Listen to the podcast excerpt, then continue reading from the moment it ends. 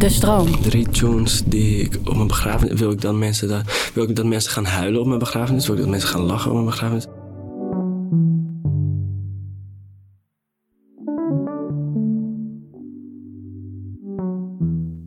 Het is onvermijdelijk. Het leven. Het leven is maar tijdelijk. En tegelijkertijd drukt de muziek op jouw afscheid. Een stempel op de eeuwigheid. Je laatste playlist. Je laatste show. Je laatste DJ-set. Je laatste solo. De laatste keer. De AUX-kabel in jouw macht. Zonder welke muziek wil jij worden herdacht? Shane, welkom. Dankjewel. Fijn dat je er bent.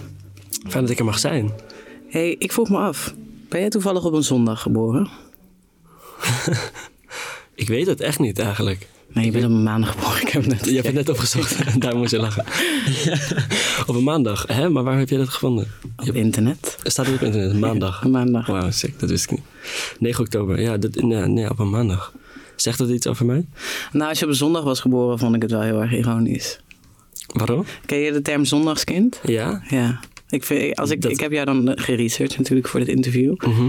En het voelt alsof je wel heel veel geluk hebt in het leven.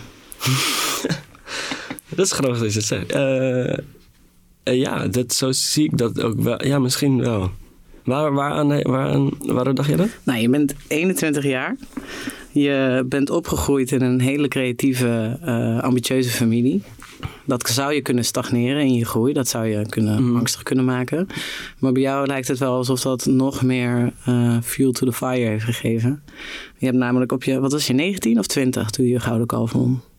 Um, dat, uh, 19. Ik werd 20. Ja. ja. Op je 19 ga ik al gewonnen. Je hebt een hele bloeiende carrière. En volgens mij, als ik het zo mag afmeten van de media, ook een hele gezonde thuissituatie waar je heel veel liefde ontvangt. Ja, dat klopt wel, ja. nee, dat is waar. Ja, dat over mijn familie, dat is... Uh, ik denk dat dat ook deels komt omdat we er nooit is... Uh, afgesproken of zo van we gaan allemaal dit doen. Dus mensen zijn altijd heel snel. Ik had hier gisteren toevallig nog een gesprek over met mijn moeder. Dat zij op straat nog heel vaak uh, van uh, uh, andere moeders van de basisschool nog gehoord van... Hé, hey, je kinderen, wauw, wat, wat, goed, wat goed, wat goed. En dat zij daar heel slecht tegen kan. Daar had ik gisteren nog heel lang gesprek over. Ja, wat dat dan? dat eigenlijk heel kut vindt. En mijn vader ook, dat komt denk ik meer uit... mijn ouders zijn niet meer bij elkaar, maar ik denk dat, dat zij dat nog heel erg heeft van mijn vader dat daar een soort boze oog ding omheen hangt. Dat heeft mijn vader heel sterk en mijn moeder ook best wel. Dat als het, het, het kan niet te veel goed gaan of zo. Dus als mensen te veel lovende dingen zeggen over je kinderen, dan, dan op een gegeven moment gaat het dan een keer fout. Zeg maar. Dat is een beetje de gedachte. Dus mijn moeder had het daar gisteren over dat ze daar, weer, dat ze daar zo, soms heel moe van wordt. Dat mensen daar, omdat ze aan de ene kant heel trots is, maar dat ze, dat, ze weet dan niet hoe ze in zo'n situatie dan moet handelen. Of dat ze, dat ze alleen maar zo te lachen van ja, ja, dat gaat goed. Ja, ja. Maar wat ik wel zei, ik denk dat het, dat, dat het bij ons nooit is afgesproken dat we dit gingen doen of zo. Dus het is allemaal heel... Het komt wel ergens vandaan en we hebben, zijn wel in die zin inderdaad met heel veel films en muziek en creatieve dingen opgevoed. Maar... Um, er was nooit een soort pusherig iets van onze ouders van uh, jullie moeten die of die kant op. Dus iedereen heeft echt serieus een, heel erg zijn eigen ding gekozen. En dat is toevallig, ik weet niet of je het helemaal toevallig kan noemen, maar allemaal in de film uh, beland. Maar het is zeker waar, ik zie dat ook wel als geluk. Ik zie dat ook wel als een, als een uh, blessing of zo, dat dat allemaal zo heeft uitgepakt. Dat boze oog waar je moeder boos voor, of bang voor is. Ja. Dat is natuurlijk iets uit, uh, uit het Midden-Oosten. Ja. Uh, ik heb daar trouwens een keer een verhaal over gehoord. En ik heb dit een keer op een feestje gehoord. Hè? Dus Mhm. het, ik kan het nu helemaal, helemaal verpesten. Maar weet je waar de boze oog vandaan komt? Nee, de mythe erachter. Nou, vertel. Nou, dat was dan een, een, volgens mij een Turkse sultan. Die had de allermooiste vrouw van de wereld. En hij moest uh, uh, van huis weg om, om, om, nog meer land te veroveren. En um, hij had toen een oog uit zijn kast gehaald om die in de troon te zetten. Waar zijn vrouw dan op zat, zodat hij altijd een oogje in het zeil kon, kon uh, houden. zodat zijn vrouw niet gekidnapt zou worden door iemand anders mannen. die met haar zou willen zijn. En op het moment dat er dus zijn grootste rivaal bij het paleis kwam en zijn, zijn vrouw wou kidnappen um, sprong dat oog uit die, uit die troon. En die scherven van het oog uh, hebben toen dus de, de, de, de rivaal gedood. Wauw. Wauw, dat wist ik niet. Ik krijg nu allemaal ingezonden brieven dat het verhaal helemaal verkeerd is. je moest wel heel dronken zijn. maar ik vond het, ik vond het een prachtig verhaal. Want ik, draag ook, ik draag ook het, uh, het oog van Fatima om, om, ja? tegen, om tegen bescherming. En dat, heb, jij, heb jij ook iets thuis wat, wat je daar tegen um, beschermt? Ik, uh, nou, er hingen wel heel veel... Zeg maar, ik heb aan de uh, binnenkant van mijn voordeur... of tenminste van mijn moeder de voordeur... van het huis van mijn moeder... hangt nog een hele grote Egyptische doek. Die, die de hele deur bedekt van binnen, zeg was in eerste instantie gewoon omdat de binnenkant een lelijke deur was. Maar, en het doek is heel mooi. En daar zitten inderdaad van die boze ogen ook in verwikkeld. En we hebben heel veel van dat soort hangertjes. Hangen nog steeds in het huis van mijn moeder. Terwijl mijn moeder helemaal niet uh, gelovig is. Uh, en het ook helemaal niet haar achtergrond is. Maar dat is, dat is nog steeds wel een invloed die in, uh, in het huis van mijn moeder nog heel erg aanwezig is. Terwijl mijn vader daar al heel lang niet meer woont. Ja. Dus dat, is nog, dat blijft wel. Uh, en ik heb zelf een Nefertiti ketting om mijn nek. En daar, dat geeft mij een beetje hetzelfde gevoel. Dat is de koningin van Egypte, maar dat is dan weer niet beschermend of zo. Ik heb die ook op mijn rug getatoeëerd. Dus dat heeft, geeft mij een beetje hetzelfde. Waar staat zij voor? Ja, zij was de, de, de, uh, de koningin van Egypte. En voor mij, ik weet, ik, ik zou, ik, ik heb, het geeft voor mij niet echt een. een uh, voor mij staat het heel erg voor de vrouwen in mijn leven aan de ene kant. En namelijk mijn zus en mijn moeder. En uh, daar, daar heb ik heel veel, daar heb ik bijna mijn hele leven mee gewoond. Um, en voor, het staat voor mij ook voor een soort krachtige vrouw en een bescherming die daarin, dat geeft mij in die zin wel een soort bescherming. Dat ik heel lang met hun, echt met hun twee ben opgegroeid. En mijn broer, die uh, uh, heb ik ook nog wel een tijd mee gewoond, maar die is twaalf jaar ouder dan ik. Dus toen hij uit huis ging was ik vijf of zo. Dus die heb ik nog maar kort meegemaakt in huis. Dus ik heb het langste gedeelte met hun, met mijn moeder en mijn zus uh, samen gewoond. Dus ergens staat het daarvoor, doet het me aan hun denken of zo. En dan uh, staat het uh, daarvoor. En mijn zus heeft hem ook hier op de arm getatoeëerd. En mijn broer heeft precies dezelfde tattoo ook op zijn rug. Dus het staat ook weer voor een soort broerband, ja. omdat we hem allebei op dezelfde plek hebben. En voor Egypte. En dat, is mijn, uh, dat staat dan weer voor mijn vader. Dus het is een soort grote. Maar het heeft voor iedereen in de familie zegt het voelt, voel ik er iets bij of zo. Ja. ja. Kom je vaak in Egypte? Niet meer. Heel lang niet meer geweest. Ik denk nu al zeven jaar of zo. Maar um, tot die tijd, volgens mij was het 2000, ja, 2014 toen ik voor de laatste keer kwam. En daarvoor elke zomer. Dus ik ben er wel heel veel geweest. En dan, ik heb heel veel familie ook daar nog. Veel meer dan in Nederland eigenlijk. Een heel huis vol. Echt een heel pand waar dan mijn oma een soort de godmother uh, van dat hele, hele huis is. En uh, ik ben er heel veel geweest. Elke zomer. En op een gegeven moment uh, met die Arabische lente was er een tijd dat we dachten dat het heel goed ging. En toen was er ook weer van oké, we kunnen weer heel veel gaan. En, en nu is het eigenlijk al zeven jaar dat mijn vader elk jaar zegt ik weet niet, nee, het, het, het is toch te, te, te, te broeien allemaal. Ja. Maar ik wil eigenlijk heel graag gewoon een keer met mijn zus en mijn broer, met z'n drieën willen we heel graag een keer terug. Dus we zijn, dat wordt nu de hele tijd, zijn we nu de hele tijd aan het regelen en te kijken wanneer we dat kunnen fixen. Maar ik wil heel graag die familie gewoon weer zien. En dat is wel echt alweer lang geleden dat ik hun... Uh, mijn oma is heel aan mijn oma. Niemand weet hoe aan mijn oma is. Dat is ook een beetje een ding. Zij ook niet? Of? Nou, ja, ik vraag me af. Ik denk het niet. Uh, ik denk, want uh, zij hebben gewoon, haar verjaardag is al jaren niet meer gevierd. Echt al jaren, jaren, ja. Dus ik, ik heb altijd gehoord dat dat gewoon een soort mythe is. Dat niemand weet hoe oud ze is. Classic. Dus in mijn hoofd is zij ook altijd even oud. Of zo. Hoe oud gaat je denk je dat ze Ik denk dat zij rond de, ja, in de negentig. Dat moet wel, ja, in de negentig. Gaaf hè? Ja. Ja, dus ik zou heel graag terug willen. Ik wil heel graag weer daar naartoe. Maar je hebt dus ook nog niet, uh, je hebt nog niet iemand verloren aan de Egyptische kant waardoor je terug moest voor een, voor een uitvaart? Of? Um, nee, nee, nee, gelukkig niet. Alhamdulillah, zeggen we dan, gelukkig nog niet. Maar en dat, ik bedoel, als dat zou gebeuren, dan is dat dan is het hoogstwaarschijnlijk dat dat mijn oma zou zijn, omdat zij gewoon de oudste is in die hele familie. Ehm, Het klinkt alsof je oma gewoon voor altijd blijft bestaan. ja, zo voelt het ook. Zo voelt het ook echt. Omdat ik toen ik vijf was, was zij, had zij al gezondheidsproblemen en, en ziektedingetjes en zo. En was het altijd al, was mijn vader altijd al wel, eh, nou niet bang, maar wel, hij hield er wel rekening mee dat dat ooit zou kunnen gaan gebeuren in de nabije toekomst, zeg maar. En dat is, dat is gewoon nog steeds in mijn hoofd. Is daar, in, daar, daar verandert ook gewoon niks. In mijn hoofd wordt zij niet ouder of zieker. Of is het altijd heel steady iets gebleven. Maar eh, ja. Dus ik moet, ze- ik moet daar heen. ja. Komt ze wel eens hierin? Ze is één, volgens mij is ze één keer hier geweest. En dat was voor de eh, boekpresentatie van mijn moeder. Mijn moeder heeft ooit een, eh, een boek geschreven. Toen was ze nog met mijn vader ook. Dat was in het eh, begin. Dat, dat boek is ook best wel gebaseerd op het leven van mijn vader.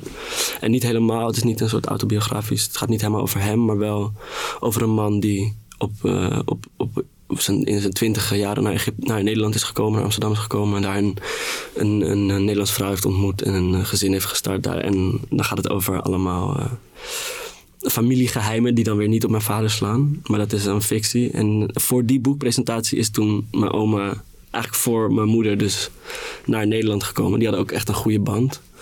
Mijn moeder is daar heel veel geweest. Die heeft daar ook gewoond. Samen, toen mijn broer nog heel klein was, hebben ze daar met z'n drieën gewoond.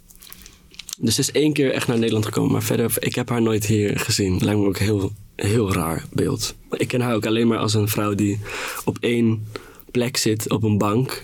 Dat is de enige plek. Het gaat van de bank naar de bed, naar de bank, naar de bed. Ja, ja, ja. Met een kralenketting. Gewoon. Ik zie haar alleen maar in één soort hoedanigheid of zo. Dus Is je oma gelovig? ja. Ja, ja die hele kant is eh, islamitisch. Ja. Ben jij islamitisch opgevoed? Mm. Nee, nee. Of tenminste, ik. eh we zijn er wel altijd heel vrij in opgevoed. Maar mijn ouders gingen uit elkaar toen ik twee was. Dus. En toen ben ik eigenlijk voor het grootste gedeelte. eh, heb ik bij mijn moeder gewoond. Dus ik ging één keer in de twee weken naar mijn vader toe. In, in het weekend. Ehm, maar we, we, we zijn ook niet echt opgevoed met de Egyptische, met, het, met de Arabische taal, met het Egyptisch. Dus we spraken ook niet met hem, spraken we ook geen, geen eh, Egyptisch. Wat er denk ik automatisch voor zorgt dat je minder meekrijgt van die cultuur. Hm. Eh, plus het feit dat, we, dat ik dus niet helemaal met hem ben opgegroeid. Ehm, dus nee, nee, we zijn niet. Ik zou dat niet zeggen. Ik heb wel. Hier heb ik heel veel gesprekken gehad de laatste tijd. Over dat ik. Dat ik. eh, eh, ik had laatst een gesprek met mijn moeder. Dat, ik, dat we het hadden over hoe ik was op de basisschool.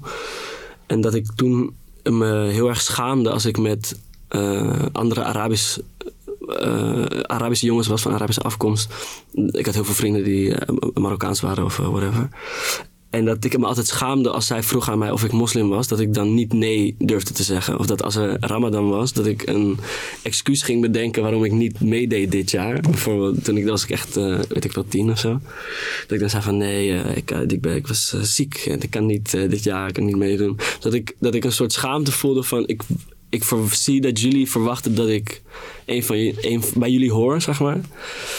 Eh, maar ik ken de regels niet goed genoeg. En ik weet, ik zeg maar, ik weet er te weinig van af om echt mee te doen. Maar dat ik wel dus eh, als kind dan heel erg daar omheen ging draaien. En een soort smoesjes ging bedenken om wel te laten zien dat ik eigenlijk daar wel vandaan kwam. Ja, precies. Dat, vond ik heel, dat hoorde ik toen weer van mijn moeder. dacht ik, wow shit. Dat zegt wel iets of zo, over hoe je dan zo tussen twee culturen doorslipt. Of zo. Ja. Weet je, wat zo grappig is, is dat ik er pas eigenlijk heel laat achter kwam dat jouw moeder dus eh, de moeder speelt in eh Lang leven. Lang Leven de Koningin. Wat ik heel veel gekeken heb als kind. En zij deed me ook altijd heel erg denken aan mijn moeder op een of andere manier. In die film? Ja. Nou echt? Dus ik had altijd, als jong kind had ik altijd, voelde ik al een enorme band met jouw moeder. Omdat ze zo deed denken aan mijn moeder. En toen kwam ik er dus pas Wat van het eh, voorbereiden van het interview achter dat Ja. dat jouw moeder is. Ja. Want ja, je bent. Ik, eh, ik snap nu, eigenlijk heb je die vraag al beantwoord. Want een van mijn vragen was: ik zie jou en je, en je vader en je, en je broer en je zus vrij veel in, in de media. Maar je moeder is er nooit bij, terwijl zij ook een hele eh, imponerende eh, carrière heeft. Maar dat komt dus omdat ze zoiets heeft van. la- Laat mij maar eh, uit, het, uit Ja. het oog van de. Ja, ze, ze houdt niet van die aandacht op die manier. En ze. Nee, ze heeft in die zin altijd ook omdat ze, ze heeft op de toneelschool ge- gezeten en ze, was ze zou ook actrice worden. En toen werd mijn broer geboren en toen is dat eigenlijk omdat ze daar volledig eh, mee aan de haal ging, is, heeft ze eigenlijk die carrière een beetje, is dat een beetje verdwenen. En dat is niet haar schuld, maar dat is gewoon een beetje zo gegaan. En toen ontdekte ze eigenlijk het schrijven. En toen is ze, is ze boeken gaan schrijven en heel veel scenario. Ook voor mijn vader. Toen ze al uit elkaar waren, heeft, heeft zij ook heel veel eh, eh, toneelstukken voor hem geschreven. Dus echt monologen voor hem geschreven en dat soort dingen. Ehm, dus daar, ik denk dat, dat, dat schrijvers toch in die zin dan niet meer op de achtergrond willen zijn. En ik weet niet, zij vindt, zij vindt beroemd. Dus, ik het ook toevallig. Ik heb gisteren met haar gegeten, dus ik heb gisteren heel, heel lang met haar gepraat, omdat ik haar heel lang niet had gezien. Toen ging het ook hier over. En, en dat zij vindt het bijvoorbeeld ook heel eng dat ik steeds meer. eh, steeds bekender word of zo. En ik heb, dat, ik heb dat ook een beetje in me. Dat ik dat aan de ene kant gewoon heel graag wil doen wat ik doe. Maar wat daarbij komt kijken is dat je steeds meer in de aandacht komt. En dat je steeds bekender wordt. En dat je steeds... Dat vindt zij iets heel engs. Dus ik denk dat het bij haar ook daar vandaan komt. Dat zij gewoon niet... Zij hoeft niet op tv per se of zo. Of tenminste, als het gaat om iets wat zij heeft gedaan... en waar ze trots op is, dan zou ze dat vast doen. Maar, jij vindt dat ook eng? Ik heb, daar, ik heb daar wel een soort angst voor, ja. En ik vind het aan de ene kant eh, past het me ook of zo. Vind ik, voelt, het, voelt het ook. eh, ik hou er ook van aan de, aan de ene kant. Maar ik vind het ook iets engs hebben, zeker in deze tijd. Ja, En bedoel je dan met dat iedereen een mening heeft en Ja. social media? ja. Ik kan me best wel veel aantrekken van wat mensen. En dat gaat niet eens per se over social media of zo, maar gewoon. Dat ik, ik kan best wel goed invullen voor mensen wat mensen denken. En dat kan me wel opfokken soms. Dat ik al van tevoren gewoon ga. Nee, oh ja, nu, nu denken jullie vast dit. Of nu gaan jullie vast hiervan uit. Terwijl dat is helemaal niet zo. Snap je dat ik heel erg. En wat doe Dus je dan meestal als je in, in die angstloop zit? Hoe, hoe kom je daaruit? Ehm, nou, ik zou willen zeggen relativeren, maar daar ben ik eigenlijk heel slecht in. Dus dat ga ik niet zeggen. maar ik ben daar wel veel mee aan het oefenen. Ik heb er ook veel gesprekken over met mensen. Maar ik weet, ja, ik weet niet wat ik dan doe. Ik, ik denk dat ik het ook gewoon weer skip en het wegstop en, en, en, het, en eh, er gewoon overheen raas met andere gedachten die, die zeggen: nee, laat het, laat whatever. Je moet niet invullen, je moet het gewoon. Doe wat je leuk vindt, whatever. Laat als ze iets denken, maakt niet uit. Ja. Maar ik kan alsnog. Ik zou willen zeggen dat ik een volledige scheid kan hebben. Ik zie soms mensen die eh, zoveel scheid hebben daar, aan dat soort dingen. Waar ik heel veel respect voor heb. Waar ik ook een stukje van heb. Ik heb dat ook. Maar ik kan tegelijkertijd ook in een soort dubio zitten met. eh, eh, ja, ik zou het geen angst noemen, maar meer een soort. het kan me wel stress opleveren of zo, in een way. Dat ik gewoon daar te veel over nadenk. En dat, dat, wat ik zeg, in deze tijd is dat gewoon natuurlijk meer dan ooit. Want Instagram, ik ga ook de hele tijd heen en weer per maand van eh, dat ik Instagram top vind. En de volgende maand wil ik het eigenlijk verwijderen. En dan zegt iedereen om me heen, nee, niet doen, dat is onhandig. Want je moet het nog gebruiken voor dit en voor dit en voor dit en voor dit. En dan vind ik het eigenlijk alweer kut en te veel. En dan krijg ik er eigenlijk stress van. En dan denk ik, laat het, laat het.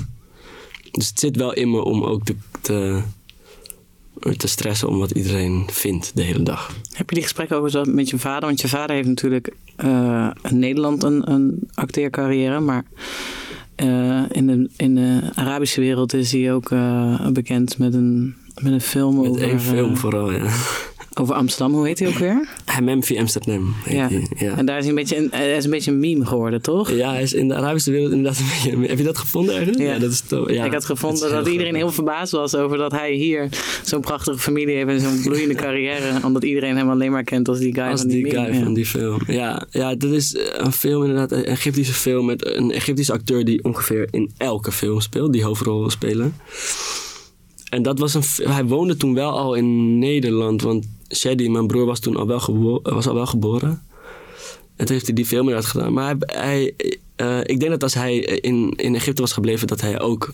eh, een, eh, een- zeg maar, misschien nog wel. Ik denk dat hij als hij in Egypte was gebleven, een groot, nog veel meer werk had gehad dan als hij hier in Nederland was gekomen. Dan nu. Ik denk dat hij daar veel groter was geweest dan hier eigenlijk. Maar geeft hij dan wel eens tips over hoe je omgaat met, eh, met aandacht? En nou, met, ik zeg je eh, eerlijk, ik heb daar veel te weinig gesprekken over met hem.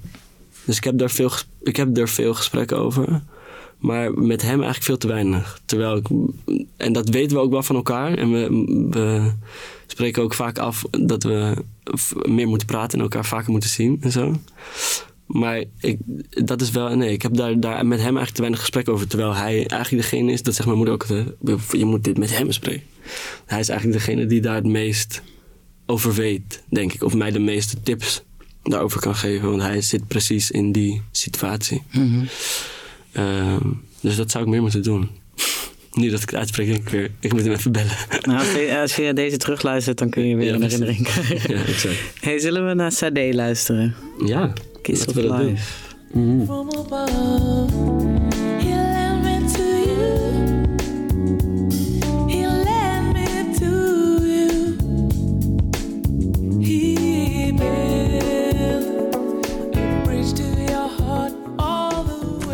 Betekent dit nummer voor jou? Ja, ehm, nou om te beginnen had ik het dus, toen jij mij dit stuurde eh, en de regels stuurde, vond ik dat meteen het moeilijkste spel op aarde. Omdat ik dacht, kut, ja nu moet ik dus een drie tunes die ik op mijn begrafenis, wil ik dan mensen, daar, wil ik dat mensen gaan huilen op mijn begrafenis? Wil ik dat mensen gaan lachen op mijn begrafenis? Ik vond het eigenlijk te, ik, ik, kwam er gewoon, ik kwam gewoon op nul tunes merkte ik. En terwijl ik zoveel muziek luisterde dat ik dacht, hè? Er moet toch, ik heb er hier vast al een keer over nagedacht. En toen kwam ik eigenlijk heel snel op dat ik dacht, ik moet gewoon drie tunes die allemaal voor mij in een bepaalde fase van mijn leven passen. En daar was dit eigenlijk de laatste in, uh, Sade. Dus ik had, eh, die andere twee komen straks. En dat is eentje die me doet denken aan, aan mijn jeugd heel erg. Eentje die me, die me heel erg doet denken aan mijn puberteit. En eentje die me nu doet denken dus aan deze fase in mijn leven. En dat is Sade, gek genoeg. Terwijl deze pokoe volgens mij uit 94 komt. Dus mijn moeder schrok ook heel erg. Zei, "Huh? Eh, luister jij dit? Wat? What the fuck? Dit is waar je op verwekt bent. Ja, dus... Hè? ja, nee, eh Sade. Ja, ten eerste vind ik dit gewoon... ehm, ik zal eerst de fase... Dus het gaat, deze, de- ik moest denken aan wat definieert bijvoorbeeld de afgelopen twee jaar. Nu afgelopen twee jaar voor mij. En dat is eh, voor de eerste keer gek. eh, Echt, echt voor de eer, allereerste keer echt gek verliefd worden op iemand. En heel veel van iemand houden. En dat voor de eerste keer echt voelen. En eh, een soort van eh, super in de war raken. En het hele pakket wat erbij komt kijken. Dat had ik nog nooit zo gehad tot op twee jaar geleden.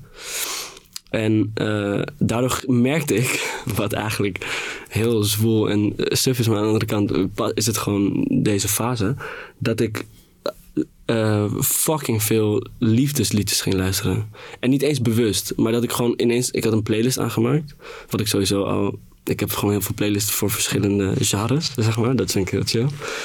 En dat ik ineens, ik had gewoon te veel ehm, slow jams. Love slow jams. Dat ik dacht, kut, ik moet hier een playlist voor maken. En op een gegeven moment had ik gewoon een playlist met zo... dat ik alleen maar love tunes luisterde... Waar ook, wat ook heel veel hip-hop was en heel veel... eh, Dus niet alleen maar sade, zwoele muziek. Maar dit was wel een pokoe die ik voor de eerste keer hoorde en dacht, damn. Eh, ik kreeg het ook doorgestuurd van een... Van een ik kende deze... deze eh, ik kende Sade wel goed, maar ik kende dit liedje nog helemaal niet. En ik kreeg het toen doorgestuurd ooit. En toen paste dat gewoon perfect. Net als elk liedje, als je verliefd bent. Wat over liefde gaat, past dan ineens perfect in je libie. Dat je echt dacht van, damn. En ik voelde gewoon die tune zo erg. Ik vind het een van de beste liefdesliedjes die ik ooit heb gehoord. Mhm. En aan de ene kant is het super glad en, en, eh, en zwoel. Maar ik vind het... eh, ik vind het gewoon een fucking goede tune. En het past perfect bij hoe ik me de afgelopen eh, twee jaar eh, voelde. Ben je al twee jaar verliefd? Ik ben wel twee jaar verliefd, ja. Volgens mij... Ja, dus welke dag is het toen? De, de, de derde was het volgens mij. Eergisteren. Ben oh, jaar. eergisteren was Ja. jij twee jaar, je twee jaar verkering. Ja. Ja. Hoe heb je de verkering Dat had ik nooit gedacht, moet ik in, in, Dat je verkering zou krijgen? Dat ik überhaupt, ja, dat ik gewoon, ik, voordat ik het kreeg, dacht ik, dit- dat ik, had ik niet gedacht dat ik dat, eh, eh, ik had gewoon in mijn hoofd dat ik gewoon nog wel heel lang single zou blijven en dat ik dat heel relaxed zou vinden. Dat ik, ik dat niet het idee dat ik graag een vriendin zou willen op dat moment in Je dacht niet leven. dat je verliefd zou kunnen worden op deze manier. Nou, dat wel, maar, maar niet, dat ik, ik, eh, niet dat ik daar behoefte aan had op dat moment. Ik dacht, ik had gewoon het idee dat ik het zoals het nu ging, dat ik dat top vond. En ook qua gewoon drukte om me heen. En dat, men, dat ik net soort van veel shit begon te doen. Dat ik, ja dit wordt nu eh, krijg ik ook gewoon iets meer, misschien krijg ik, nu- krijg ik ook meer aandacht ineens. Dat merkte ik ook dat dat gebeurde op dat moment. Letterlijk tegelijkertijd met dat ik, een, dat ik heel verliefd werd. Toen merkte Ik neem het er even van. ik, ik krijg ook heel veel aandacht nu ineens. Wat, wat, wat, eh, wat voor, welke keuze moet ik nu maken? Moet ik, nu, moet, ik, moet ik dat nu doen? Dus ik had in die zin wel... Nee, ja, ik had niet gedacht dat ik zo verliefd kon worden eh, als dat gebeurd is. Nee. Want je bent toch dan, je hebt toch voor liefde gekozen en niet Ja. per se voor alle aandacht. Niet dat dat, niet dat, met eh, heavy veel aandacht was, helemaal niet. helemaal niet. Maar ik, was wel, ik had wel een soort proefje van... Wow, ik ben nu zoveel shit aan het doen en is, allemaal mensen willen iets of zo. En toen werd ik ook verliefd en toen moest ik dat soort van combinen dat ik dacht... Ja, maar ik kan het nu wel skippen, maar het is gewoon zo. Dus. Maar ik ben wel benieuwd hoe je er naar verkering hebt gevraagd eigenlijk. Nou, ik heb het ontmoet op Lowlands. Dus ik was ook nog even bang dat het een soort dat het een Lowlands Lowlands, ja, dat die twee weken daarna, weet je wel, dan zit je ook nog best wel in zo'n hangt er vanaf wat je allemaal gedaan hebt op Lowlands, maar vaak zit er dan nog een beetje zo'n zo'n na-wee aan van een soort ma- magie, Lowlands magie, twee weken. Dus ik heb ook lang getwijfeld dat ik dacht van ja, misschien, is, misschien is dat het gewoon, maar het bleef aan. En ik heb de verkering gevraagd, eh, ja, super corny, om gewoon op mijn, eh, op, een- op mijn balkon. en we waren een sigaret aan het roken en eh, ik zei, moeten we dit niet gewoon doen? Maar ik vond het heel eng eigenlijk, want ik had dus, wat ik zeg, ik had niet, echt niet gedacht dat ik, dat ik verliefd zou worden in, de, in die tijd. Mhm. Maar het gebeurde wel. En ik had dus een week daarna de première van de Belofte van Pisa. Dus ik heb haar ook meteen toen... Ik had, ik had er eerst, ik had er volgens mij eh, als eerst meegevraagd naar die première. En er eh, toen nog niet eens verkering gevraagd. Dus toen dacht ik eigenlijk gewoon, ik neem haar gewoon mee. En dan op de rode loper Wou je op één vraag knie ik gaan? van, eh, vraag ik van eh, nou, voor de camera's? Nee, ik weet niet. Nee, ja, dat het eh, was heel corny, maar ja. Maar het werkte wel. het want werkte je, wel. je zit nog twee jaar, je bent nog twee jaar, al twee jaar verliefd. En wat, wat haal je uit die relatie? eh, wat, is het meest, wat is het beste wat je uit die relatie haalt? Wat, ge- wat geeft ze je rust? Rust. Rust in mijn hoofd, gewoon. Ik denk veel te veel na. En dat, in die zin doet zij dat ook. Dus het is, we steken elkaar ook aan, soms. Maar het is, ze neemt wel heel veel stress weg, of zo. En daar hoeft ze ook niet heel veel voor te doen. Dus dat is gewoon wie zij is, of zo. Mhm. Eh, dus dat gaat heel makkelijk. En eh, ik denk dat dat het grootste ding is. Dat ik, ja, gewoon rust. Dus ik kan, als ik alleen ben, verdwalen in gedachtes. En tot aan, eh, tot aan gekmakend aan toe, zeg maar. En ehm, daar kan zij wel heel erg in. Er zijn meerdere dingen die daarbij helpen, zoals schrijven of eh, muziek luisteren of eh, films kijken of eh, de- van alles. En vrienden ook, familie. Maar zij is daar wel, aangezien ik haar gewoon het meest zie. De grootste baken. is, ja, ja, zeker. Rust zou ik zeggen als grootste ding. Ja, Zullen we naar Mac DeMarco gaan luisteren? ja graag.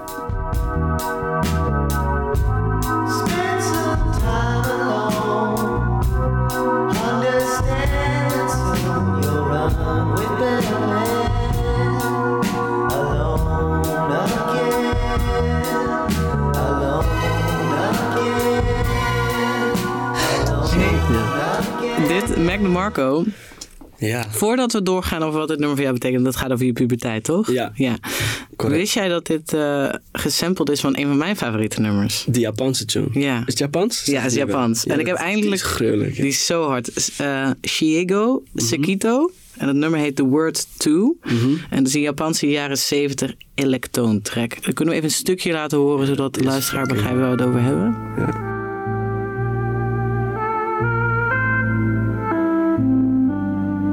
Misschien nog wel, misschien nog wel een betere tune eigenlijk. Ja, stiekem hè? Stiekem wel. Voor de encore van, je, van je uitvaart. Ja, precies. Ja. Nou ja, nu je het zegt. Die, die kan wel heel mooi op een uitvaart, denk ik. Hey, eh, wat, eh, wat is het verhaal achter... eh, achter Chamber of Reflection. Ik wou zeggen Alone Again, maar ja. Ja, alleen- Ja, Chamber of dat Reflection. zegt hij dit. Ja, dat, ik moest denken aan, want toen zat ik eenmaal in dat patroon dat ik dacht, oké, dus we gaan drie verschillende fases kiezen. En deze pokoe, ehm, ik was één zo'n zomer, iedereen heeft wel één, één zo'n zomer uit je puberteit. Voor mij was dat 2014, zomer 2014. Dat je die je gewoon, die voor altijd in je hoofd zit. Waar het zo gewoon de hele zomer alleen maar zonnig was. Je zoveel had gebloot dat je gewoon niet meer kon bewegen. En zo lam was dat je, ja, gewoon de perfecte, voor die leeftijd de perfecte zomer. En dat je nieuwe, dat je ook, ik had toen net een, ik had toen een vriendengroep van school gedeeltelijk en een andere halve vriendengroep van het MLA. En, eh, en eh, toen waren we gewoon heel, waren we eigenlijk alleen maar buiten. Dus niemand had destijds nog een, niemand had een huis, toch? Dus iedereen woonde bij zijn ouders nog. En dan kon je eigenlijk nooit ergens naar binnen. Want eh, of er was een ouder thuis en dat was dan ongemakkelijk, want dan kon je, kon je niet smoken. Of er was, ik weet niet, er was altijd iets gewoon. En eh, dus we waren eigenlijk altijd buiten. En eh, dan ging je liften bij coffeeshops. Of eh, gewoon, gewoon rellen op straat. Wat is, Leuke liften, dingen. wat is liften bij coffeeshops? Liften, weet je dat? Deed je dat? Nee. Ken je die term niet? Nee, is dat dat je iemand anders vraagt of ja, die... dus dat je met een tientje op de Ja, ja. stoep staat en zegt... Kunt Heet dat liften? Wil je een grammetje voor me halen? liften, ja, dat heb ik altijd ge- gehoord. Ken jij die term, liften? ja, oké, top. De regisseur kent het De regisseur kent het echt, super. Ehm, dus, en dat, dat, eh, die zomer is voor mij gewoon een soort heel erg in mijn, in mijn hoofd gegrift. En we hebben toen een, wij ik, kreeg, ik had een mattie die heette eh, Gregor. En hij, eh, hij kende weer een guy die uit Londen kwam, die in Londen was opgegroeid, die nu in Amsterdam was. En hij kende hem via skaten of zo. En, zij, en hij was toen, wij leerden hem toen kennen die zomer. En hij bracht allemaal nieuwe muziek die ik nog helemaal niet kende. Eh, en hij bracht, eigenlijk, hij bracht ook allemaal kennis over een sikke wiet en zo. En dat is een ding waar ik ook heel erg geïnteresseerd was. Klinkt als een hele goede vriend. Het was gewoon een sikke guy. ik vond hem toen vet. En ik uh, shout-out naar hem. Hij heet Tony. Ik ken hem nog steeds. eh, ik zie hem nog steeds vaak. Ehm, maar voor, hij, hij was ietsjes ouder ook. En hij, hij bracht gewoon veel... eh, hij, vooral muziek vond ik heel vet. Hij bracht gewoon heel veel shit die ik no- nog niet echt goed kende. Zoals, ja, hij was heel fan van Young Lean en zo. En het paste gek genoeg ook allemaal heel erg bij, die, bij wat we aan het doen waren. Namelijk gewoon helemaal niks. gewoon helemaal niks doen. En het waren allemaal gewoon... ehm, er is heel veel, heel veel Young Lean en heel veel Travis Scott toen hij nog niet zo groot was. Hij bracht gewoon heel veel muziek die ik heel vet vond. Omdat ik destijds eigenlijk alleen maar eh oldschool muziek, oldschool hip-hop luisterde. En daar ook heel soort van hard-headed in was dat dat het vetst was. En hij kwam met allemaal nieuwe shit die ik eigenlijk stiekem ook heel vet vond. Maar ik durfde het dan niet toe te geven. Omdat ik dacht, ja, dat is onzin. Young Lean, hij kan niet rappen. Wat een bullshit. Maar ik vond het wel vet. En hij kwam ook met deze tune. En ik weet nog dat we op de berg, op die schuine berg bij ehm, Museumplein. Op die helling, die super toeristen, toeristenhelling. Dat we daar lagen en dat hij deze tune opzette. En dat dat soort dromerige melodietje dat je net hoorde van die sample dus. Dat dat kwam en dat ik dacht, yo, wat is dit? En dat dat zoveel indruk maakte, terwijl die, zeg maar, wat hij zegt of zo heeft, niet, heeft nooit... Daar luisterde ik niet eens naar, zeg maar. Het was gewoon het geheel van die pokoe en de fase waar we toen in zaten en de dingen die we deden en de... eh, de, gewoon de, het, de kattenkwaad en de leuke dingen. En gewoon, dat paste allemaal perfect. En dan hadden we zo'n soort rustmoment dat we gewoon lagen op een berg. En dat deze pok opkwam. En dat, dat moment zit gewoon nog heel erg in mijn hoofd. En dat doet me, als ik moet denken aan puberteit. Gewoon het woord puberteit. Dan is dat het eerste plaatje wat ik zie. Gewoon Scaffa op, op een berg met deze pokoe. En eh, ja, daar, daar moest ik als eerste aan denken. Klop af. Als er nu iets mocht gebeuren, ben jij dan het leven aan het leiden wat je, wat je altijd al willen leiden? Ehm, ja. Ja. Dat denk ik wel, ja. Eh, eh, ik zou namelijk vooral niet weten wat ik anders, wat ik, eh, daar, wat ik anders zou moeten doen. Dan wat ik nu doe. Dus dan trek ik daaruit de conclusie dat het, dat het wel zo is, ja. Brengt dat niet heel veel rust? Ja, nou ja, dus gek gen Ja, wel. Als ik er nu zo over nadenk, denk ik, ja, ja. eh, zeker. Maar tegelijkertijd vind ik dat het leven wat komt kijken bij hetgeen wat ik doe, dat het ook eh, niet per se nu, maar ik voel dat ook al nu. Ik denk dat het ook steeds meer kan worden, ook heel veel stress op kan leveren. En wat ik net zeg, van, je vroeg van eh, wat, wat brengt jouw relatie het meest? Dan zeg ik rust. Maar als ik dat niet zou hebben, dan was dat al veel eh, meer, denk ik, die stress. Dus eh, aan de andere kant, ja, eh, eh, brengt het veel rust dat, dat ik voel dat wat ik doe, dat ik dat altijd al zou hebben willen doen en dat het goed gaat en dat het steeds beter gaat en dat er nog steeds een lopende lijn in zit. Ehm, maar aan de andere kant breng, heb ik ook het idee dat, dat, dat dit vak en deze wereld veel stress en, en problems met zich mee kan brengen. Ook. Ja. Zie je jezelf eh, nog een keer gewoon een hele carrière switch maken? Nou, ik denk niet dat. Ja, dat zou kunnen, maar dan is het denk ik wel iets in dezelfde soort. In dezelfde kant, in dezelfde richting. Dus bijvoorbeeld. ehm, ik ben veel bezig met muziek en dat is dan wel. Dat is weer totaal iets anders dan acteren. Maar het ligt voor mij allebei wel in dezelfde. In dezelfde soort creatieve bubbel. In eh, uiten wat je, wat je bent en uiten wat je, wat je kan en wat je doet. Eh, dus ik zou, ik zou niet zo snel switchen ineens naar advocaat of weet ik veel. Een andere job die helemaal niet creatief is. Ik zou altijd iets moeten doen waar ik mijn hoofd kan legen of zo. Ja. Dus, nee, ja, dus dan zou het iets, iets zijn wat alsnog dicht bij me ligt. Ja, als je acteert, hè? Bijvoorbeeld toen je in de eh, belofte van Pisa acteerde. Mhm. Ehm, je, je, je verplaatst jezelf in een compleet ander karakter dan jezelf. Mhm. Met andere emoties en een ander leven. Ja. Heb je dan heb je wel eens momenten gehad dat dat, dat, dat heel erg jouw leven overnam? Dat het overeenkwam met mijn leven? Of nee, dat, je, dat je bijvoorbeeld thuis kwam naar een draaidag en dat je gewoon weer echt even eruit moest snappen. Of als je, Ehm, of als je bijvoorbeeld, ik weet niet of je nog steeds smookt, maar ik kan me voorstellen dat als je, als je thuis komt van een draaidag en je bent de hele tijd Samir geweest mhm. en je smoked een joint, dat je dan even, dat het misschien wel even moeilijk kan zijn om die switch dan weer te maken. Ja. Ja. ehm, ja, ik denk dat ik daar... Ik ben daar op... Ik, het gaat me, dat gaat me nog best goed af, vind ik. Of tenminste, merk ik. Ik heb niet heel veel... Ik moet niet... eh, je hebt mensen die echt zo verdwijnen in een rol... dat ze daarna eh, Niet meer uitkomen. niet meer uitkomen. Heath Ledger eh, als voorbeeld. Dat is heel extreem natuurlijk met de Joker. Maar ehm, eh, ik, ik heb het wel eens gevoeld, enigszins. En het is bijvoorbeeld... ehm, eh, nou, om, als, als om bij de belofte van Pisa te blijven als voorbeeld... eh, speelde ik daar met Olivia. En dan speel je de hele tijd extreem verliefd. De hele dag lang. En ik merkte dat dat aan het eind van die productie, dat na 30 dagen dat doen met iemand, dat ik dan, dat ik toen wel echt een soort moment had van, wow, damn, oké, dus ik moet dit nu ook weer helemaal Ja. laten. En niet dat daar een soort echte verliefdheid ontstond, maar, maar wel dat je even weer moest switchen van oké, dit is weer, dit is nu is weer mijn leven. Nu ga ik weer met mijn mensen om. Dit is nu eigenlijk eh, toch dat je heel erg even weer terug moet komen naar jezelf.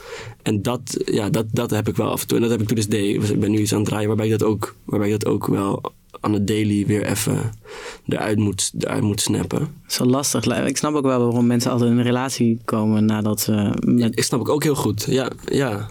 ja omdat het is gewoon fucking intens. Het is gewoon heel eh, intens. Zeker als je, als je zoveel dagen achter elkaar draait. Als het echt een lang project is. Eh, en waarbij heel veel van je verwacht wordt. Dus op, als acteur en actrice. Of als, act, als eh, welke combinatie dan ook. Eh, op liefdesgebied. Dan, dan kan je nog wel eens gek in de war raken. Dat, dat, dat, dat kan ik me ook al goed voorstellen. En krijg je daar eigenlijk begeleiding bij? Nou, tot, het is leuk dat je het vraagt, want dat is eigenlijk heel nieuw. Want er waren altijd bij, ehm, je hebt nu bijvoorbeeld een, een seksscène coördinator. En dat is iemand die eigenlijk als een soort vecht, als bij een vechtscène heb je ook een, een stuntman die erbij is, die als een, echt als een choreo dat doorneemt. En dat heb je nu ook met seksscènes. En dat wordt nu in Nederland, in LA was dat al, al was er al lang. En dat is nu in Nederland eh, echt heel nieuw. En dat is ook wel, dus dat was er eigenlijk nooit. En dat is ook wel iemand die eh, na zo'n scène bijvoorbeeld ook even met je gaat, echt meditatieoefeningen met je gaat doen. En eh, ademoefeningen. En ook even met je, inderdaad, met, je, met jou checkt van oké, nu ga je weer thuis naar huis met je eigen vriendin. En je eigen, ja, maar wel gewoon even dat, heel even dat gesprek van oké, dit is nu klaar, dit is afgesloten, dit was allemaal nep. En nu gaan we weer door naar iets, naar iets nieuws. Eh, naar, je eigen, naar je eigen shit gewoon. Ja. Dus in, daarin, daarin gebeurt dat, is er weer wel steeds meer begeleiding op dat niveau. Als het gaat dus over liefde of, of eh, Ja. liefde, intieme scènes of zo. Ehm, maar voor de rest, ja, begeleiding, niet, nee. Hey, en eh, nog even over de nummer, want je luisterde Ja. niet naar de tekst. Het was meer de, de Nou, hazy sound ervan. Destijds niet. Dus als ik moet kiezen over wat het nummer voor mij zegt, dan heeft dat niet met de tekst te maken. Mhm. Maar nu heb, je dit, nu heb je natuurlijk wel geluisterd naar de tekst. Als je, Heb je de lyrics daarbij? Ja, ja, ja. Spend some time away, getting ready for the day. You're born again. Spend some time alone. Understand that soon you are one with better men. Wat interessant is, omdat je niet meer met dezelfde, met dezelfde gang hangt eigenlijk. Als Ja. met wie je daar op die heuvel zat. Ja. Huh. ja. Dat Bijna voorspellend. Maar ben jij veel alleen? Want ik heb Ik het heb daar wel gevoel niet over nagedacht. maar- alsof je niet veel alleen bent. Ehm, dat klopt. Ik hou ook niet zo heel erg van alleen zijn. En soms denk ik wel, heel erg. En soms ben ik er ook wel echt aan toe. En dan pak ik ook die tijd. En dan ga ik ook even echt alleen zitten. Maar eigenlijk ben ik ook het best onder mensen, vind ik. Ben ik de beste. ver- en ik geef mezelf dan ook geen, niet te veel tijd om na te denken. En dat wordt nu een heel groot onderwerp van deze podcast. maar dat ik te veel nadenk. maar eh, daardoor. ehm, ja, ik weet niet. Ik, ik, ik hou gewoon van onder de mensen zijn. Dat sowieso. En dat is gewoon iets. Dat doe ik liever dan in mijn eentje op de bank zitten en eh, voor me uitstaren en, eh, of een boek lezen. Of, eh, ik ben liever gewoon met, met, met, een, eh, met een goede club mensen. Dat is wel echt zo, ja. Maar ben je wel eens eenzaam onder de mensen? Mm, nee, dat idee heb ik niet. Nee, dat denk ik niet eigenlijk. En als dat zo is, dan zou ik dat, als dat zo zou zijn, dan, dan, dan zou je denk ik ook niet aan me merken. Dus dan zou ik het waarschijnlijk heel erg weg. Eh, gra- grap of. Ja, nou, ik zie mezelf gewoon wel als iemand die heel. Ik ga gewoon, en daar kan mijn vriendin bijvoorbeeld ook soms heel gek van opkijken of zo. Ik ga gewoon aan zodra ik met meer mensen ben. Dus ik kan, als ik tweemans met jou ben, dan kan ik heel. eh, dan, en, ik, en, ik, en ik ben, ik, is bijvoorbeeld, ik neem nu als voorbeeld mijn vriendin, omdat ik die eh, bijna elke dag zie. Ehm, en ik ben een dag fucking zagrijnig. En dat merkt ze aan mij en dat ziet ze aan mij. En dat uit ik bij haar omdat ik haar vertrouw. En dat gewoon, dat mag, dat mag bij haar, zeg maar. En we lopen op straat en ik, eh, en ik eh, kom een groep mensen tegen die ik lang niet heb gezien. Dan kan ik zo switchen en dan ben ik ineens helemaal blij en gezellig. En eh yo, gaan we, gaan we naartoe? En dan gaan ze weg en dan, en dan ben ik weer... En dan kan zij soms ook zeggen van... Fuck aan met jou. Je was net nog helemaal zagrijnig en nu, eh nu kan je die niet... Maar dat is gewoon een soort... ehm, ik weet niet of dat... Of, of je dat, ik, ik, zou zeggen, ja, ik weet niet of je dat sociaal, te sociaal noemt. Ja, ik, kan, ga- ik ga gewoon zodra er, ik in een huis ben met veel mensen... of als ik met een grote club ben, dan ga ik aan of zo. En dan, Je bent een entertainer. dat zou kunnen, ja. Maar aan de andere kant, ik heb het hier met mijn broer heel veel over gehad. En die, heeft exact, die had exact dit probleem toen hij een, een, eh, zo'n hele lang, en ook een hele lange relatie had. Zei dat dit ook heel vaak gebeurde met hem. Dat hij ook vaak de, de, inderdaad degene was die, eh, als hij dan zagrijnig was en dan eh kwam je mensen tegen dat hij dan aanging. Dan ging het weer uit. Hij had dat ook, terwijl ik zou hem dan weer niet. Wat zei hij dan? Als, af- wat, heeft hij nog tips gegeven ervoor? Ehm, nou, ja, nu, nu zet je me op het ja, geen concreet. het ging vooral toen over dat, we, dat je ook heel, soms heel moe kan worden van altijd aanstaan in dat Ja. soort ruimtes. En dat hij dat heel, erg gel- heel erg heeft gelaten de afgelopen jaren. Dus dat hij op een gegeven moment heeft gekozen voor... "Yo, Ik hoef niet, ik hoef niet de- altijd de, de sfeermaker te zijn in een groep met mensen. Ja. Voel jij je verantwoordelijk voor de En- sfeer? Da- ja. ja, dat heb ik wel. Dat heb ik wel best wel. Ja. Eh, en nou, da- dus ik denk dat een tip van, ik weet niet of dat echt een tip was, maar dat hij wel zei van ja, dat heb ik heel lang gedaan en nu ben ik heel erg moe. Snap je? Dus ik bedoel, op een gegeven moment eh, kan dat ook nekken of zo. Dus, eh, dus dat hij er op een gegeven moment wel voor heeft gekozen om niet altijd die guy te zijn Ja, snap ik. die de sfeer maakt en altijd grappig moet zijn altijd lachen is of zo. Ja. Maar nu zit ik daar nog middenin. Ja, dus misschien is het een ding wat met de tijd... En dat ik op een gegeven moment denk... Fuck, shit, ik wil, ik wil niet meer. ja, op een gegeven moment eh, ga je dat wel doorkrijgen, denk ik. Ja, ja of niet. En dan heeft, heb, ik, heb ik er nooit last van. Ik weet niet of het, of het, of het iets is waar ik last van ga krijgen. Dat is mijn vraag. Dat weet Ja, ik of je, of je, je richt het alleen op je werk. Dus dat je die, dat je die Mm. verantwoordelijkheid voelt voor wanneer je zien de, acteur en de, en, de, en de zanger bent of rapper. Noem je Mhm. jezelf zanger of rapper? Ja, in muziek? Ja, Rapper. rapper. Ja, ik kan niet zingen. Dus Ja. acteur, rapper. Ik kan niet zingen. En wanneer je gewoon je persoon bent, Mhm. dat je, dan, dat je dan even uit mag staan. Ja. Ja. hey, over je broer gesproken. Ja. Wat een topper. We zijn bij het laatste liedje. en die heet ook eh Shady. Net zoals je broer. Ja, klopt. Het is van de 86-jarige Libanese zangeres. Fayrouz. Zo heet mijn zusje. Dat is ook wel weer grappig. Ja? Als tweede naam. Nee, dat is gewoon haar. Ik heb nog een, eh, een, een, Oh ja, je een jongste van mijn zusje, vader. ja. Van mijn vaders kant. Dus die heeft dezelfde vader als ik, een andere moeder. En die heet ook Farouz. Oké, dus dat is je zusje en je broertje in dit nummer. In één ding. En, en dus voor degene die, die Fayrouz niet kennen. Het is de, een van de bekendste, als dan niet de bekendste Arabische zangeres ooit.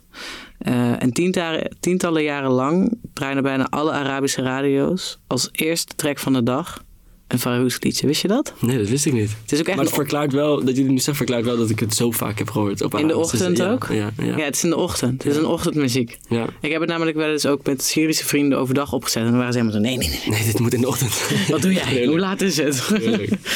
Wat, eh, hoe, was het bij jou thuis ook in de ochtend? Of hoe, hoe ben je met haar in aanraking gekomen? Dat is echt door in Egypte te zijn. Eh, dus er werd heel veel gedraaid. En mijn moeder draaide ook heel veel. Dus mijn vader heeft mijn moeder echt aangestoken met Arabische muziek.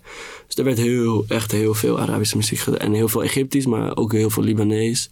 Heel veel Oum Kaltoum werd heel veel gedraaid. Dus het... eh Sheb Khalid, dat soort... Dus ook heel veel rai-muziek. En ehm, met Farouz kwam ik eigenlijk in contact doordat ik dus in... eh en nu klinkt het alsof ik haar ken. ik kwam met haar in contact. Nee, door in Egypte dat ik daar was en dat... Je hebt in Egypte heel veel van die kraam. Dat is vaak veel en ook in andere Arabische landen. Maar in Cairo heb je heel veel eh, muziekkraampjes met bandjes destijds. Ik weet niet of ze dat nog steeds doen. Misschien zijn ze ook wel een beetje daarmee eh, vanaf gegaan. Maar toen ik daar kwam, hadden ze heel veel eh, van die bandjeswinkels waar ze cassettebandjes verkochten.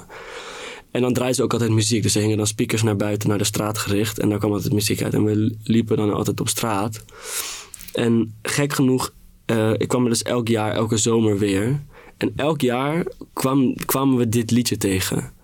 En, het, eh, eh, en dan vertelde mijn vader, mijn vader ging dan heel uitgebreid vertellen waar het, waar het over ging. En ik merkte dat het, zonder dat ik wist, ik verstond het niet. Dus ik wist, niet, ik wist in eerste instantie niet waar het over ging. Maar voordat ik wist waar het over ging, pakte het me al op zo'n manier dat ik voelde dat het iets heel, he- dat het een heftig onderwerp was. Dat het, dat het een naar liedje was eigenlijk. Wil je vertellen waar het over gaat? Ja, het gaat over. over eh, ze zingt over een jeugdvriend, genaamd Shady. Ehm, eh, een jongetje waar ze vroeger in het eerste compleet gaat het volgens mij over dat ze altijd samen speelden eh, in, in, in Libanon. En dat het haar allerbeste vriendje was vroeger. En hij wordt op een gegeven moment uitgezonden. of hij, vraag me af of hij nou wordt uitgezonden naar het leger. Of dat hij. eh, in ieder way verd- verdwijnt hij door de oorlog. Ehm, en hij komt nooit meer terug. Dus het is eigenlijk een liedje over, over heimwee en over een, over een beste vriend van vroeger die ze, die ze nooit meer ziet. Dus ze is gewoon aan het reminiscen in dit liedje eigenlijk. Het is, Ehm, het is zo'n mooi nummer. Het is echt een Alleen de vertalingen al. Ik kan me niet voorstellen als je echt Arabisch kan lezen hoe mooi het dan moet zijn. Want dat is zoveel rijkere taal. Lees een stukje voor. Ja. Uh, then one day the world got united, people against people dragging the world into it. And the battle approached. On the hills and the world approached. And the descendant on the sides of the valley. Shady ran watching. I was scared and called out to him. Where are you going, Shady? I called out to, I called out to him and he didn't hear me. And he went further and further from the valley. En dan gaat het nog door. Dan gaat het- heel wordt maar het is- Nee, maar je moet het gaan. Je moet het opzoeken. Uh, Voor de mensen die het een mooi nummer vinden, zoek de vertaling op. Want het is echt, het is echt gewoon een, het is een sick verhaal eigenlijk. Mm. Je kan er gewoon een film van maken. Maar ja, ze, is, eh, ja ze, ze zingt over haar beste vriendje. En het is, ik merkte dus toen, mijn vader ging dat dan altijd uitleggen. En daardoor ging ik er op zo'n ook een andere manier naar luisteren. En het pakte me altijd omdat het, het ging, de grap was altijd dat het Shady heette. Dus dat, eh, dat, dat, altijd, dat was altijd al een ding.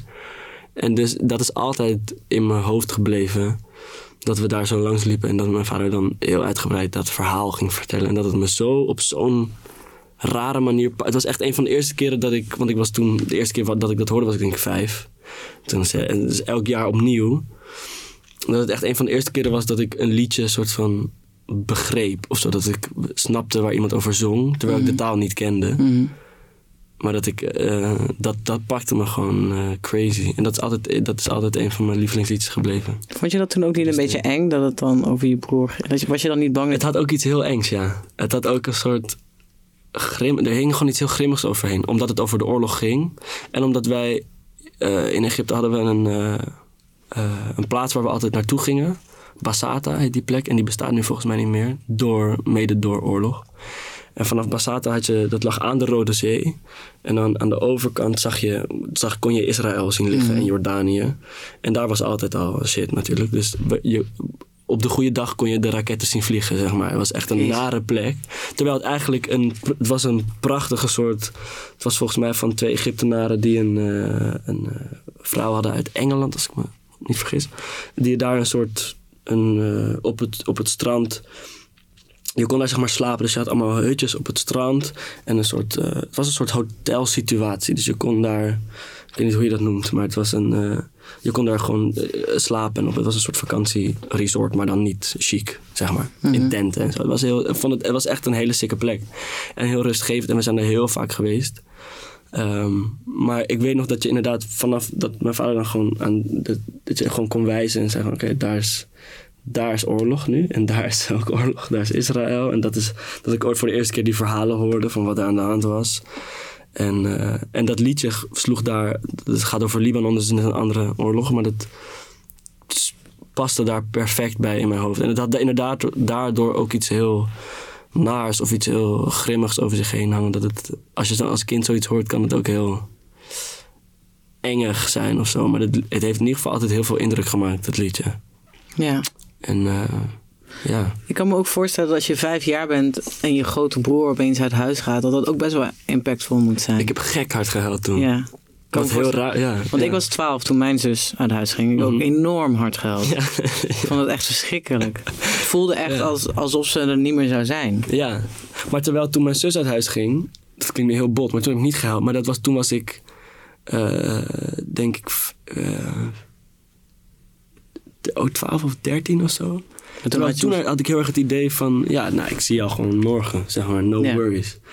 Terwijl toen ik vijf was, was mijn broer ook echt een soort, voor mij ook echt een, een volwassen guy, zeg maar. Terwijl nu zie ik hem ook al veel meer als gelijke, zeg maar. Maar als je vijf bent, is dat natuurlijk gewoon een soort half god. half god. Ja. Ja, en, eh, en hij, hij nam toen, ook, eh, hij, nam, hij, was toen, hij draaide toen nog heel veel. Hij was toen nog, zat nog in een soort DJ-collectief. Hij nam ook al zijn platen mee en al zijn, dus alle shit die ik, Hoe al, die ik zo sick vond, die daar thuis lag. en posters van Tupac en gewoon allemaal, allemaal dingen waar ik heel veel eh waarde aan Die nam hij ook mee en dan had hij een nieuw huis ergens boven een Mackie. Dat ik ook dacht, ga echt niet boven het McDonald's van. Blijf gewoon hier, ga wat doe je? Maar eh, ja, dus ja, nee, ik had dat, dat was, eh, dat was, ik vond het ook best wel, als kind, ik moest daar ook echt heel hard om huilen, weet ik nog, dat hij, dat hij wegging, ja. En uiteindelijk is dat gewoon helemaal goed gekomen. Jullie hebben nog niet samengewerkt, echt, hè? Eh, nee. Zou je dat willen? Ehm, ja, Ik zou het heel graag willen. En ehm, eh, ik weet ook dat dat gaat gebeuren. Zeg maar, ik weet dat dat komt echt goed. Dus, Daar dan, maak ik me geen zorgen over. Dus ik dus we mogen nog niet dood. Je bent nog niet compleet. Je moet nog met je broer sowieso, samenwerken. nee, dat sowieso niet. Nee, maar ik, dat is een van de dingen waar ik gewoon van verzekerd ben. En die we ook vaak tegen elkaar hebben gezegd. Van dat gaat, dat komt goed. En hij heeft me nog nooit in. Ik heb ook, eh, toen hij de Libi maakte, dacht ik, eh, maar misschien schrijft hij er wel in. Dat is niet zo. Toen dacht ik, oké, nee, oké, nee, misschien Ik doe het op eigen kracht. Ja, precies. Ik doe het op eigen kracht. Ik doe mijn eigen dingen. Dat komt goed. Toen kwam Forever Rich. dacht ik, ja, misschien schrijft hij me daar misschien in. Hij heeft gewoon best wel vaak gedacht, nou, misschien, misschien schrijft hij er maar in. Toen op het laatst, toen ik het een keer vroeg van, eh, ga je maar nog een keer een film schrijven? Wat? Ik zei, nee, wacht maar. Wacht, wacht. Komt goed. We gaan het een keer goed doen en dan gaan we het echt doen. En dan gaan we het, gaan we het echt samen doen. Dus dat, eh, ik heb daar wel de volste vertrouwen in eigenlijk, dat dat wel goed komt. Sheen, heel erg bedankt voor het komen. We gaan afsluiten met vijf. Met Farouz. Met Shady. Yes, dankjewel. Dankjewel.